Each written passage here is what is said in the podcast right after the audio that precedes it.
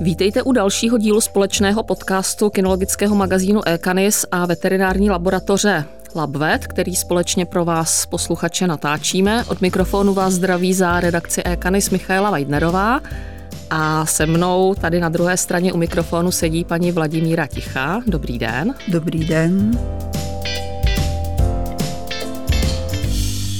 My jsme si pro vás dneska připravili poměrně aktuální téma, které se týká vyhlášky, která nedávno vyšla, nebo respektive začátkem listopadu vstoupila v platnost. A je to vyhláška o ochraně psů a koček při chovu za účelem rozmnožování. Je to vyhláška číslo 384. A já bych se moc ráda na úvod zeptala, proč vlastně tato vyhláška vyšla, nebo co tomu předcházelo a co se vlastně tím sleduje. Tak hodně dlouho se u nás mluví o množírnách a o to, jak se jich zbavit, nebo o nekorektních chovech obecně, bychom mohli říkat. A v podstatě doposud ze zákona platí povinná vakcinace proti vsteklině, ale nějaké standardy e, péče o psa vlastně nejsou. U skotu, u koní už něco takového je, tam je třeba dáno, jak má být já nevím, dlouhý vazný řetěz nebo jak má být velké lože pro krávu. U psů prostě něco takového nebylo a veterinární inspektoři prostě volali potom, aby se mohli o něco opírat. Aby měli jasný důkaz, že psy, fenky, kocouři a kočky nejsou chováni tak, aby jim to neubližovalo. Takže to byl důvod, proč ta vyhláška vyšla. A takové vyhlášky jsou v podstatě ve všech kulturních státech Evropy, takže při její tvorbě eh, se mm, dívalo i na to, jak znějí ty vyhlášky v jiných státech, co tam všechno je. Mm-hmm. Takže hlavním záměrem je v podstatě, řekněme, welfare eh, psů a koček, by se asi dalo říct. My se teda budeme společně, se zaměříme spíš teda na ty, na ty, pej, na ty pejsky, takže na co se konkrétně ta vyhláška vztahuje? Ta vyhláška se vztahuje obecně na péči o psy celkem. V prvé řadě bychom asi měli říct, že se vztahuje na chovatele, kteří jsou členy nějaké kinologické organizace a pak se vztahuje na chovatele, kteří mají tři a více fen nebo fen správně řečeno a pak se vztahuje na ty, kdo chovají psy za účelem zisku a pokud se prokáže, že někdo chová psy právě za účelem zisku a má třeba jenom jednu fenu nebo dvě feny, tak se vztahuje i na ně. Nevztahuje se na útulky, nevztahuje se třeba na hospitalizované psy a nevztahuje se na pokusná zvířata, i když musím říct, že psů a koček mezi pokusnými zvířaty už dneska je minimum, nebo nevím o tom, kde by vůbec byly. Takže to je v prvé řadě to, na koho se vztahuje a jinak v sobě zahrnuje celou řadu bodů, podle kterých lze usuzovat, zdali je ten pes opečováván tak, jak má být. A když třeba vezmu, vy jste tady zmiňovala uh, vlastně to slovo nebo to spojení za účelem chovu, a když vezmu třeba, když si představím garsonku v paneláku a že tam někdo třeba může mít pět různých kříženců, kterých teda bude tvrdit, že do chovu nikdy nezasáhnou nebo opravdu nezasáhnou, tak tam třeba ty prostory a nějaký, to o tom budeme hovořit teda ještě za chvilku, eh, těchto chovatelů nebo majitelů, těchto se to netýká? Asi se jednak eh, ta vyhláška a nakonec i zákon na ochranu zvířat proti týráního a i zákon o veterinární péči hovoří o třech eh, psech samičího pohlaví, to znamená o třech fenách a neříká, že to mají být příslušníci určitého plemene. Samozřejmě, že se bude asi muset prokázat teda jestli se tam odchovávají štěňata, jestli se ta štěňata prodávají a samozřejmě, že tohle to může být problém tam, kde jsou takzvané retenční chovy, to znamená, kde nějaký člověk možná s dobrým úmyslem schraňuje psy a feny, aby je náhodou někde někdo netýral a oni se mu pak úplně nekontrolovatelně množí. Víme asi všichni, o čem je řeč, ale mm, určitě tam cesta bude, jak i na tyhle ty chovy tu vyhlášku mm. napasovat. No a ono v podstatě to souvisí s tím e, vymezením toho minimálního prostoru pro ta zvířata, protože jsem tady zmínila garsonku, tak tam je každému jasné, že to je prostor pár metrů čtverečních. E, když teda vezmeme vymezení toho minimálního prostoru, co si vlastně pod tím teda máme představit? Tam je v té vyhlášce například vymezen eh, minimální prostor pro kotec uh-huh. a ve vysvětlení je, že na byt se dívá jako na kotec a hovoří se o užitné ploše bytu. Já uh-huh. když někde o té vyhlášce mluvím a těch dotazů je celkem hodně, tak se mě celá řada lidí vždycky ptá, jestli postel patří do užitné plochy bytu nebo nepatří. No, takže to si myslím, že je potom na vysvětlení právníka, aby přesně specifikoval, co je užitná plocha bytu.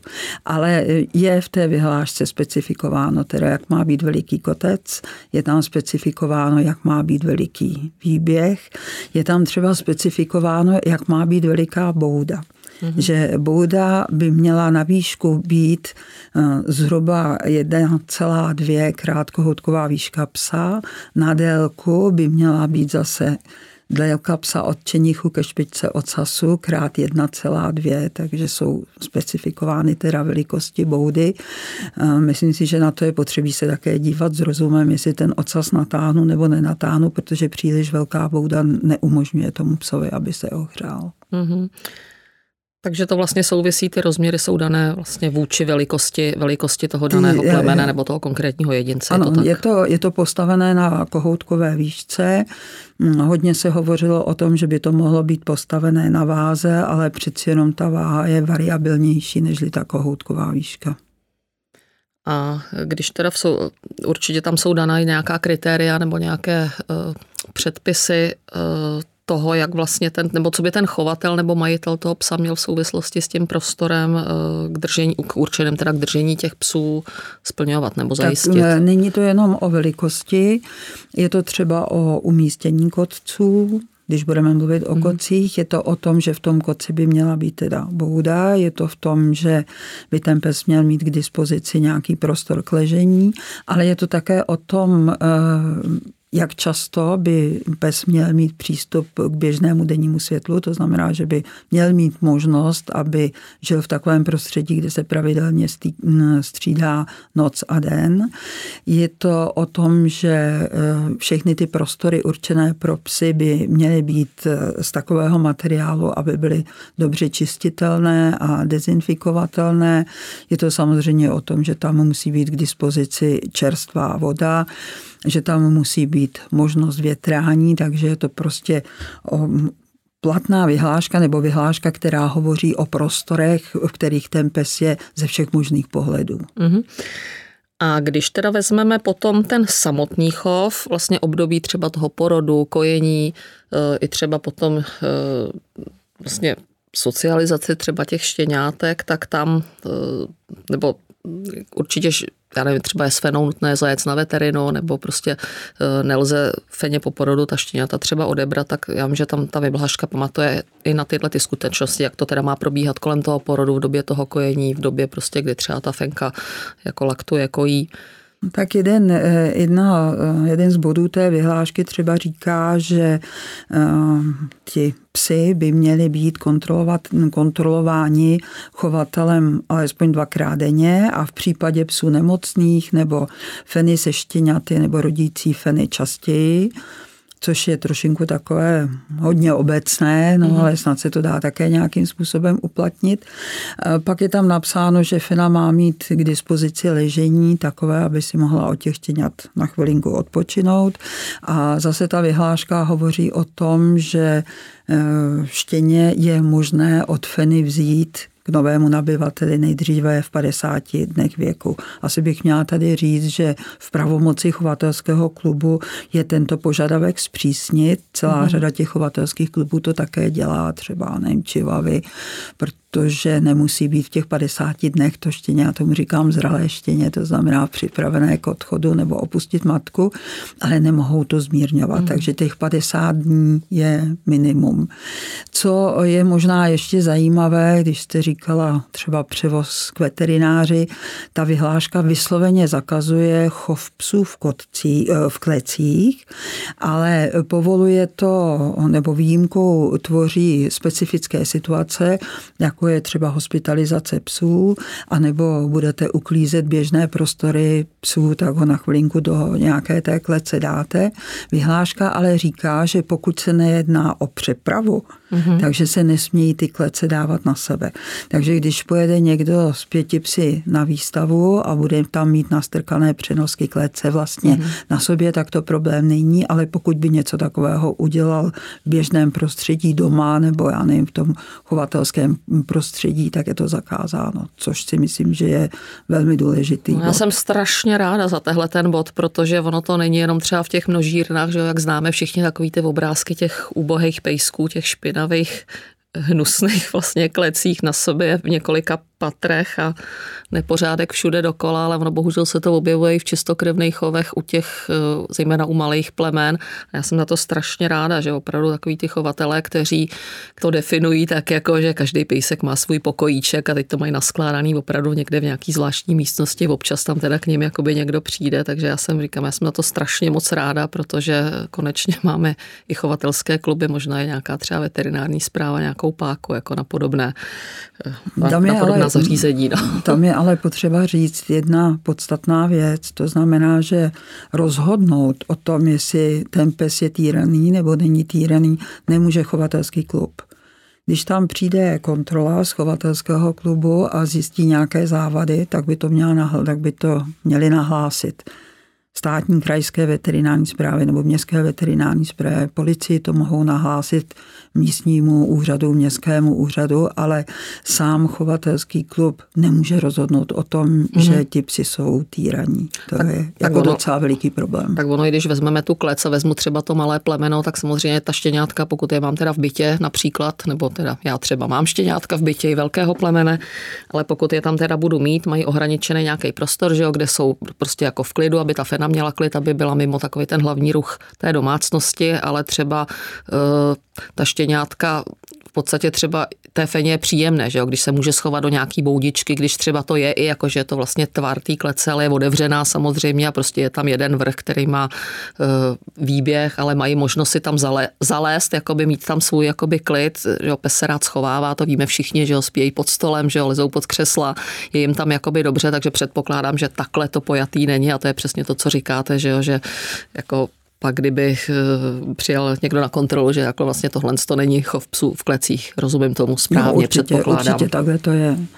No a ještě jste mluvila o socializaci a to si myslím, že je vůbec poprvé, kdy se v nějakém předpise u nás tenhle termín objevil a skrývá se pod tím celá řada věcí, například to, že by ta štěňata měla být navykána na různou manipulaci, což asi pro běžného chovatele není vůbec nic divného, ale pro ty množírny určitě je, takže ta štěňata by prostě měla být navyklá na to, že na ně chovatel sahá, že se jim dívá do uší, že se jim dívá do mordy, prostě nám, tam není v té vyhlášce řečeno přesně tady tohleto, ale měla by být navyklá na manipulaci, to je jako jedna věc. A štěňata i dospělí psy by měly mít k dispozici hračky a ty hračky musí být hygienicky ošetřovatelné a měly by být čisté.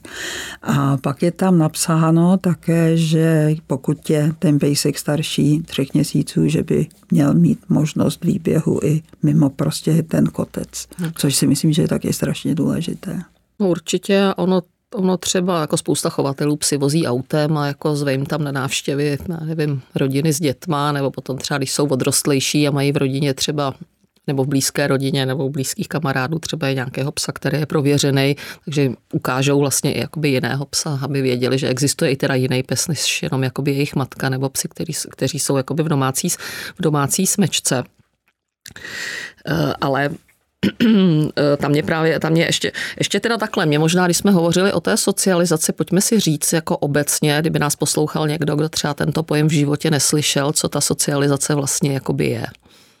Socializace je ve své podstatě určitý způsob výchovy. Používá se termín raná socializace, ta je z hlediska vývoje štěněte a jeho budoucího života nesmírně důležitá. Eh, odborná literatura praví, že probíhá zhruba od pátého týdne věku štěněte do třetího měsíce.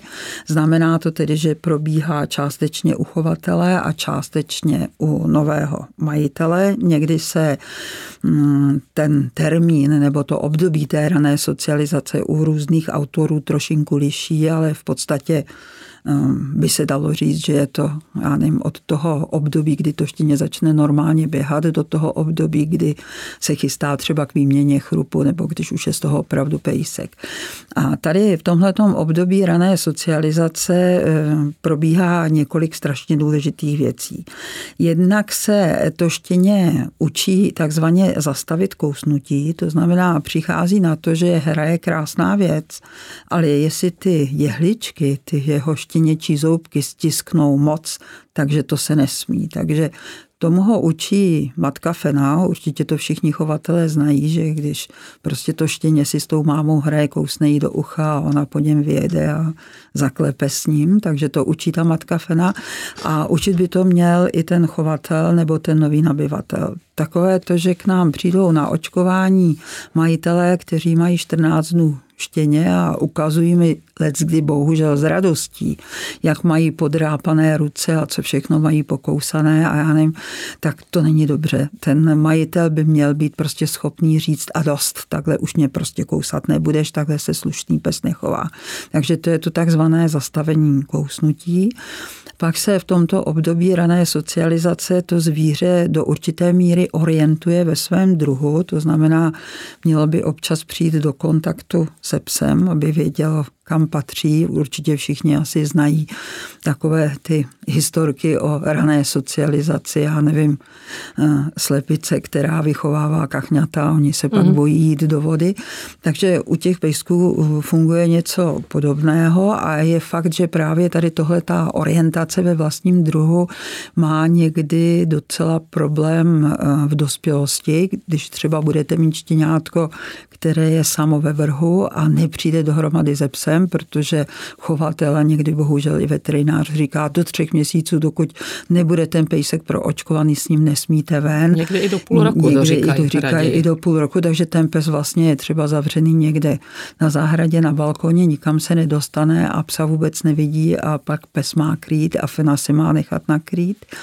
Já jsem dokonce zažila situaci, kdy takhle byla hm, vychovávaná fenečka Briarda, ten pán měl trošinku psychické problémy, takže byl doma z práce její majitel a nedělal nic jiného, než si hrál prostě s Fenečkou a ta Fenečka se zafixovala, že nikoho jiného k sobě do blížšího kontaktu, nežli zrovna toho svého pána nepustí. A když měla Fena být krytá, tak prostě přeci jenom ten Briard je trošinku větší plemeno, takže nechtěla na sebe toho psa jako pustit a majitelka, teď to bude znít trochu ošklivě, majitelka mi říkala, paní Tichá, já vám řeknu, že kdyby jí měl nakrýt můj muž, bude stát jako beran, ale psi ona vůbec nezná, tak je prostě nechce.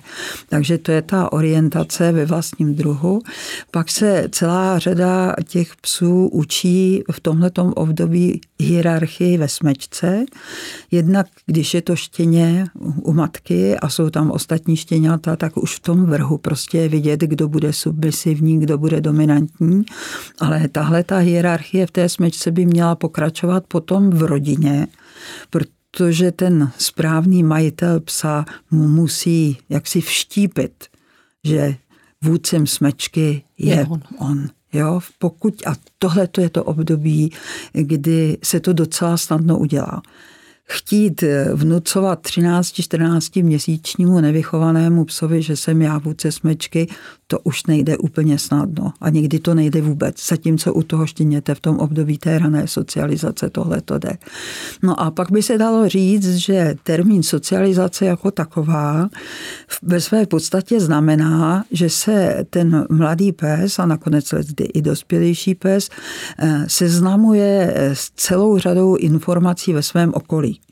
Eh, vždycky se říkalo, že kříženec, voříšek, takový ten, co běhal někde po vesnici nebo po městě, že je strašně chytrý a že ten šampion, že to je vlastně hloupý pes, protože je hloupý. Jo.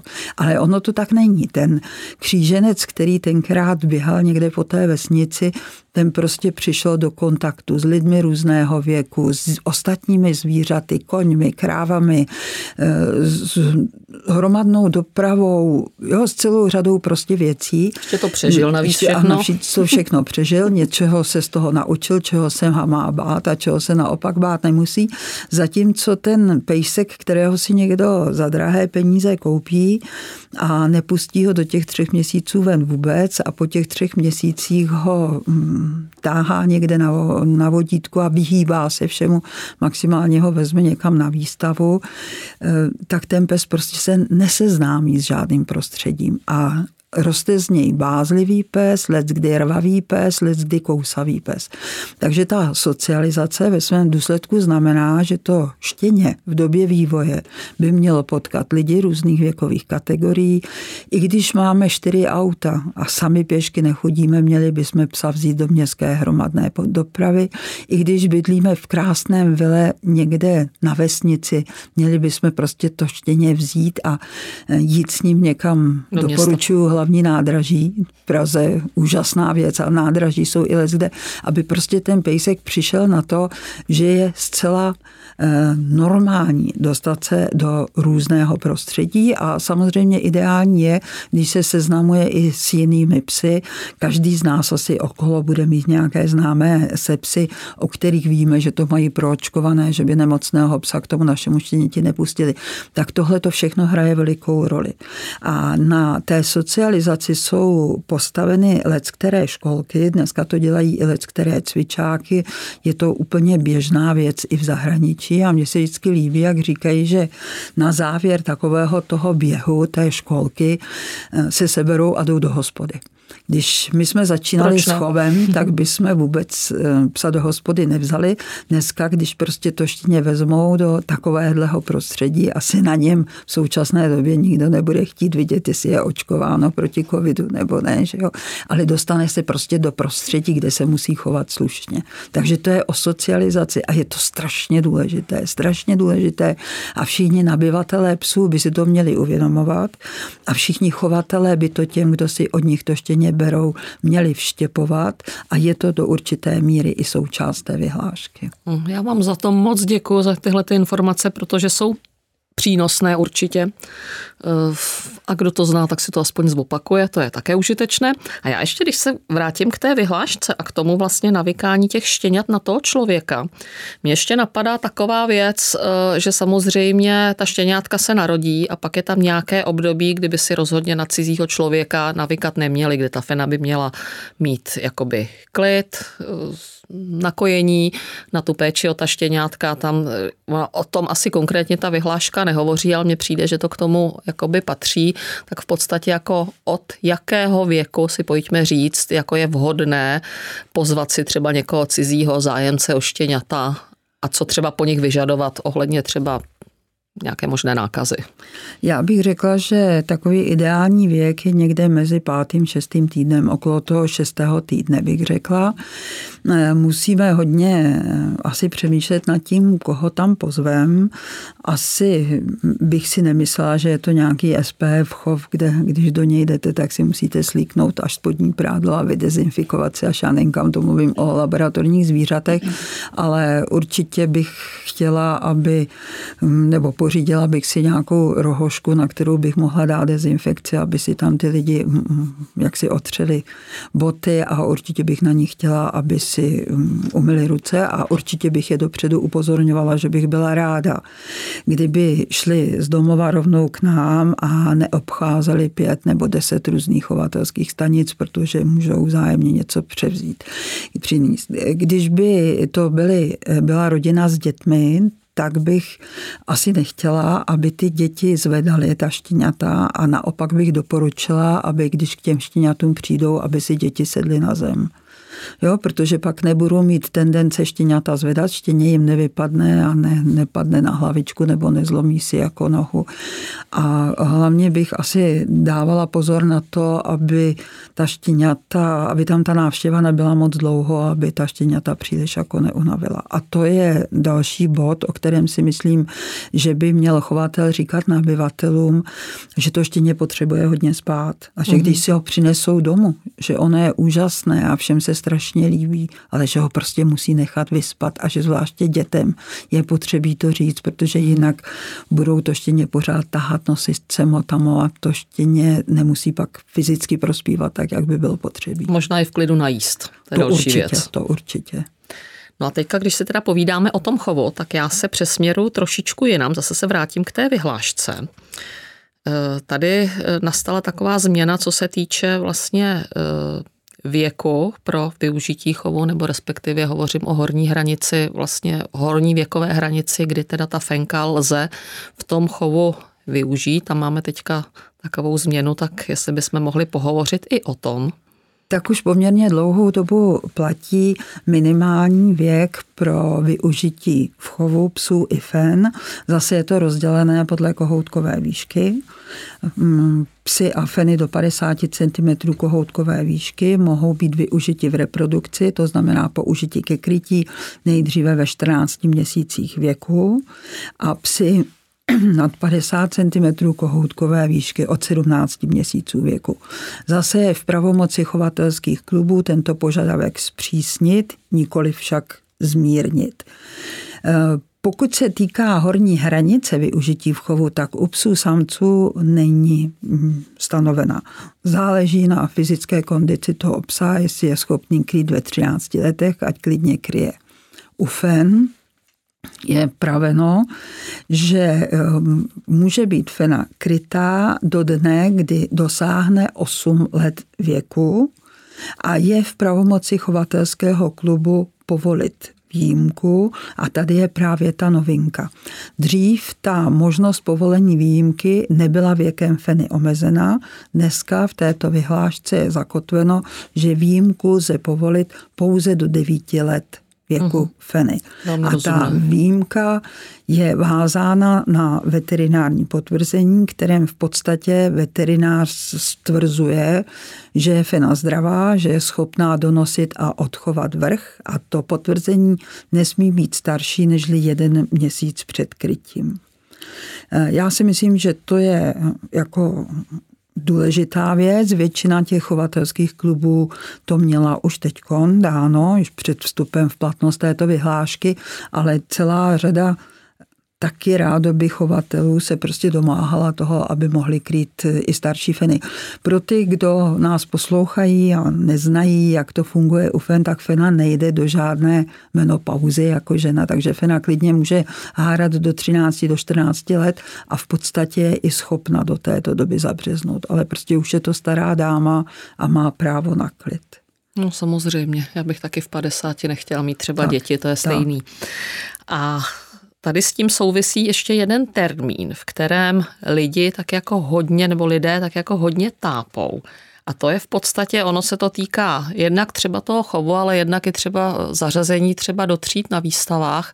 A je to taková ta formulace ukončení toho a toho měsíce a roku věku, jak to teda přesně, když si třeba vezmeme, že fena smí být krytá do maximálně ukončeného osmého roku věku. Pojďme si to vysvětlit. Tak na tohleto, na tímhletím se lidé strašně hádají. No právě. A, jo, a mm, naštěstí každá, každý zákon a každá vyhláška mají i svoje nějaké odůvodnění a vysvětlení a tady v tomhletom vysvětlení je praktický příklad, jak to má fungovat. Takže když bychom vzali Fenku, která se narodila 1. ledna 2010, 1. ledna 2011 je jeden rok, dosáhla jeden rok věku. 1. ledna 2012 dosáhla druhý rok takže věku. Takže to ukončení druhý takže, rok. Tak. Takže jo. A 1. Mhm. ledna 2008 dosáhla nebo ukončila osmý rok věku. 18. 2018, od, já se do toho sama zamotám, ale máte pravdu, narodila se 1. ledna 2010, 1. ledna 2018 dosáhla toho věku, kdy může být kryta už jenom na výjimku a 1. ledna 2019 končí její šance na chov vůbec. Ale myšleno je tím den krytí. To znamená, jestli 31.12. 2000 19. na základě výjimky na kry, tak ještě ta štěňata mají právo na průkazy původu a je to všechno v pořádku. Mm-hmm. Myšleno je tedy den krytí. Ale stejně tak, když je napsáno, že třeba ukončený 14. měsíc věku, tak v ten den, kdy ona má těch 14 měsíců, tak je to ukončený den věku a já ji můžu teprve nakrýt. Ne, nevztahuje, ne, někdo říká, předtím ji můžu hm, nakrýt a ona porodí po tom 14 mm-hmm. měsíců. Ne, není to tak. Dokonce jenom tak pro zajímavost se tady řešilo, že chtěl chovatel dovést nakrytou fenu z Anglie a chovatelský klub celkem správně mu to zamítl, že tady ten vrch nenapíše, že tady se snažíme, aby chov psů s průkazem původu byl veden ku prospěchu fen. Velká Británie žádné takovéto omezení nemá, tam můžete nakrýt fenu v podstatě kdykoliv a ta fena, která se měla být dovezena, by bývala rodila, když jí bylo 15 měsíců. Tak mm-hmm. se mhm. řeklo, tak takhle jako ne. A když si povídáme tady o tom krytí, tak s tím souvisí ještě i inseminace. Já vím, že tam je v té vyhlášce taková maličká zmínka, která se týká vlastně toho, kdo to smí jakoby provádět, ale mě by možná zajímalo, protože to s tím souvisí i v podstatě, kdy se ta inseminace může provádět a kdy se naopak nesmí. Takže pokud se týká vyhlášky, tak vyhláška říká, že inseminaci může provádět osoba odborně způsobila, což eh, do této kategorie lze zařadit osoby s veterinárním vzděláním nebo třeba zaměstnance inseminačních stanic nebo jsou různé, já nevím, kurzy odborné, ty se většinou týkají koní, ale e, prostě vzdělání e, v tomto oboru. Nemůže si to dělat v žádném případě chovatel sám, i když se mu to zdá být jako relativně jednoduché. Takže to je z hlediska zákona a z hlediska vyhlášky, platilo to už dřív. Pak je tady ale e, předpis Mezinárodní kinologické organizace FCI, který říká, že k inseminaci může dojít mezi jedinci, kteří se přirozeně prokázali v reprodukci. To znamená pes, který kryl a jsou po něm štěňata a fena, která byla krytá a porodila štěňata. Eh, FCI ale zároveň říká, že je v pravomoci střešní organizace kinologické povolit výjimku ze zdravotních důvodů nebo z jiných důvodů. A um, musím říct, že v době covidové se ty výjimky povolovaly v podstatě šmahem, protože pokud chtěl jet někdo krýt do zahraničí, tak prostě nemohl, nemohl. nedostal se. Jo? Takže docházelo, mm, to, to předsednictvo má to na starosti hlavně náš prezident, pan doktor Široký, on je veterinář taky, myslím si, že dobře ví, co dělá, takže to v podstatě povoloval šmahem. Takže asi povolovat inseminaci u jedinců, kdy Pejsek bydlí v Praze 6 a Fenka bydlí v Praze 3 a inseminovat to, to by se tedy nemělo, ale jestli Fenka bydlí v Praze 3 a psa mají vybraného z Rakouska a nemohli se tam dostat, tak ta inseminace povolena byla. Ale je k tomu třeba doložit celá řada věcí um, a v současné době musí být doloženo DNA chovného psa, aby bylo naprosto jasné, o kterého psa se mm-hmm. jedná. Tohle to trošinku naráží na ejakuláty zmrazené a uložené dlouhou dobu. Třeba čeští fousci mají 15-20 let uložené ejakuláty s tím, že je někdy použijí. Tam pak zase, když to DNA není, protože ten pes už dávno nežije, mm-hmm. Tak, je, eh, tak lze povolit výjimku. A pak celá ta otázka toho použití ejakulátu, ona ta inseminace může být trojí, že jo? buď můžete mm. inseminovat pesfena přímo, nebo můžete mít chlazený ejakulát, anebo můžete mít mrazený ejakulát. A u toho mraženého ejakulátu tam vznikala celá řada problémů, protože eh, chovatelka XY měla psa, nechala si odebrat od něj a zamrazit ejakulát a za rok toho psa prodala někomu jinému a čí je teď ten ejakulát a kdo má právo podpisovat takzvané krycí listy, mm-hmm. to znamená potvrzení, že došlo ke krytí.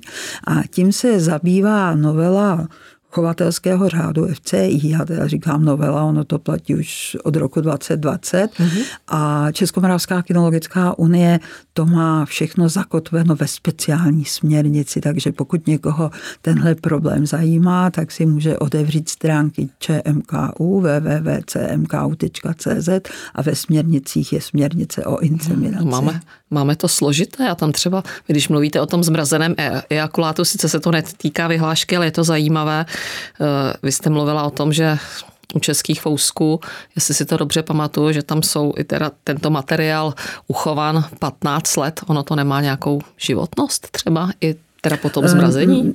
No, ono eh, záleží hodně na tom, jak to bylo rozmrazováno a zamražováno a uh-huh. velmi u toho psa je citlivá otázka rozmrazení potom. Ale mm, většina těch ejakulátů, když se s nima dobře zachází, tak prostě jsou fungují. ještě oplození schopná, tak. jako fungují. Uh-huh.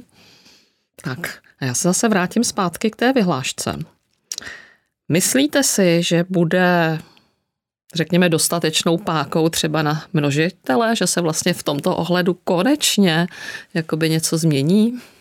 Tak rádi bychom množe, asi. Rádi bychom. Množírny to je šedá zóna. A můžete mít x předpisů na to, co se má a co se nemá. Teď to platí i u zlodějů a já nevím u čeho. Stokrát můžete mít zákony, co se smí a co se nesmí. Ale myslím si, že ta vyhláška dává určitou šanci veterinárním inspektorům přijít a říct, tady je problém a když se ten dotyčný bude bránit, tak vytáhnout papír a říkat, podívejte se, ale tohle říká vyhláška.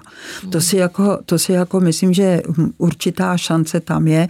Je to druhá možnost, my jsme možná mluvili už spolu o vakcinaci proti vsteklině a o tom, že je považovaná za platnou tehdy, když je to zvíře identifikačně označeno mm-hmm. čipem. Takže dneska už má ten inspektor možnost kontrolovat, jestli jsou ta zvířata čipovaná, pokud nejsou, jsou, tak je považuje za neočkované proti vsteklině, může za to dát pokutu. Mm. A dneska má možnost prostě přijít a říct, tady máme nějaký standard péče o ty psy a vy ho nedodržujete nebo uh-huh. dodržujete. Eh, samozřejmě, že eh, bude záležet na tom, jak se bude prokazovat, že to je chov za účelem, nebo že je to držení psa za účelem chovu. A já jsem možná neřekla jednu důležitou věc. Uh-huh. Většina lidí si myslí, že ta vyhláška platí na fenu ze štěňaty, nebo dejme tomu na nakrytou fenu. Uh-huh. Ale ta vyhláška platí na každou fenu a na každého psa, který může být využit v chovu. To znamená, vy si pořídíte pejska, psa samce, uchovníte ho a v tom okamžiku je to pes, který je určený k reprodukci a vyhláška na vás platí. A to tež je o těch fenách. A nebo když jsem chovatel, eh, chovatel, třeba mám registrovanou chovatelskou stanici, pořídím si štěně, je mu třeba půl roku, já ještě nevím, jestli všechno splní, nesplní, tak na něj se to taky vztahuje, když já, já vlastně... si myslím, že tam by bylo asi to prokazování hodně těžké, protože ono už i, možná nevím, jestli jsem to v těch eh, podcastech někdy už neříkala, ale tady se trošinku rozchází kinologická terminologie a legislativní terminologie. Uh-huh. Z pohledu legislativy je chovatel každý, kdo má zvíře. Jestli budu mít rybičku nebo křečka, z hlediska zákonů jsem chovatel. Uh-huh. Z hlediska kinologických předpisů je chovatelem majitel chovatelské stanice, který odchovává štěňata. Uh-huh. A ještě takový trošinku, já nevím, jazykolám, nebo já nevím, bych to řekla, vysvětlení. Hodně se lidé ptají, je chovatelská stanice chovatelská anebo chovná? Ano. A svého času byl vznesen dotaz na Ústav pro jazyk český a bylo nám sděleno, že chovná stanice je zařízení. To znamená ty boudy a kotce, anebo v bytě pelíšek, já nevím co. Zatímco chovatelská stanice je ten registrovaný název. To to jakési příjmení těch mm-hmm. psů s průkazem původu. No ono je to možná jednoduchý, že prostě chovný je pes a fena a všechno ostatní je chovatelské. chovatelské. Tak je taková jednoduchá podle mě jako poučka, jak si to lze zapamatovat. Tak a teďka máme tady, probrali jsme tady celou řadu podmínek a předpisů a nařízení. Kdo to teda bude kontrolovat, nebo kdo může? Vy jste říkal, ty inspektoři veterinární, no, může třeba chovatelský klub, nebo ČMKU ne, třeba? Ne, chovatelský klub, Českomoravská kinologická unie, poradce chovu nebo kdokoliv v tomhle nemá vůbec žádnou pravomoc. Mm-hmm. Tam, když by při nějaké kontrole eh, bylo zjištěno, že něco není v pořádku, tak je prostě potřebí se obrátit na ty, kde jsou z hlediska zákona oprávněni v této oblasti něco činit. A je to policie, mm-hmm. jsou to městské místní úřady a jsou to v prvé řadě je to veterinární zpráva. A nějaké sankce třeba jako mohou udělit, samozřejmě tam je dobrý ten typ s tou steklinou, protože no, jak sankce jste říkala... udělat mohou, ale jaké, jak budou vysoké sankce v případě nedodržení této vyhlášky, tak to se vám přiznám, že zatím nevím.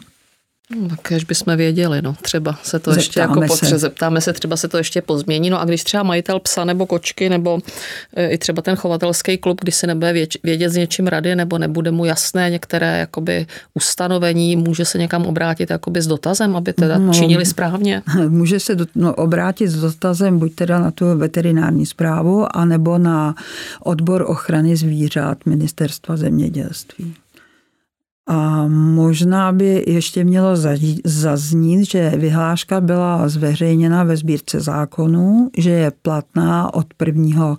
listopadu 2021 s tím, že pokud někdo začíná chovat, tak na něj ty požadavky na velikost kotců, boudy a prostě na takové Prostor, věci mhm. platí okamžitě.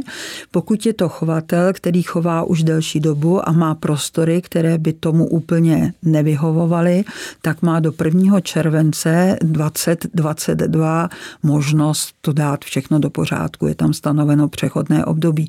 Ale to přechodné období se opravdu týká jenom velikosti a zařízení těch prostor, nikoli v socializace a takové Jasně, takže ten člověk vlastně by měl Eh, převeďme to do jazyka českého, buď třeba zredukovat počet těch drzených zvířat, ano. A nebo teda si ušetřit třeba na nějakou vilu a přestěhovat se. Přestěhovat se, a nebo si vzít centimetr a změřit, jak má velký kotec a jak je veliká bouda. Tak, tak.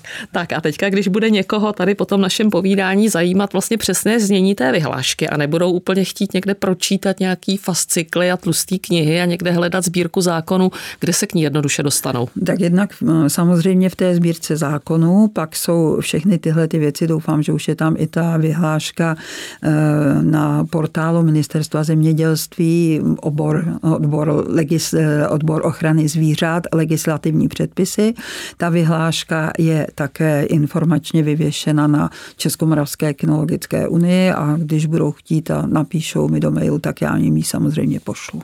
No tak to je úplně skvělé. Já myslím, že jsme to probrali asi všechno poměrně detailně, i více, než jsme museli.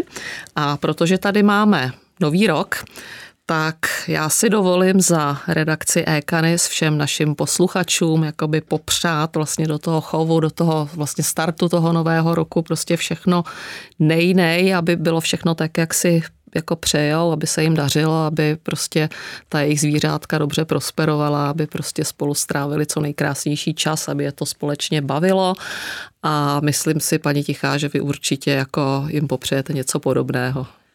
Určitě, Myslím si, že v současné době hlavně zdraví jim i jejich psům.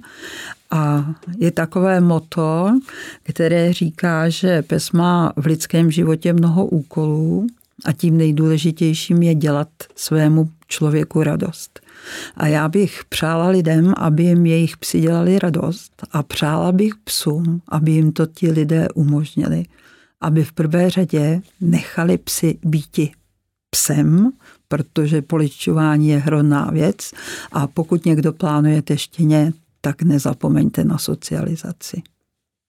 Skvělé. Já myslím, že s tím letím se můžeme s posluchači rozloučit. Já vám moc krát děkuji za dnešní povídání, zase prostě přínosný, zase spousta věcí zajímavých. Myslím si, že se to bude určitě posluchačům velmi hodit. Moc krát vám děkuji a budu se těšit zase příště. Naschledanou.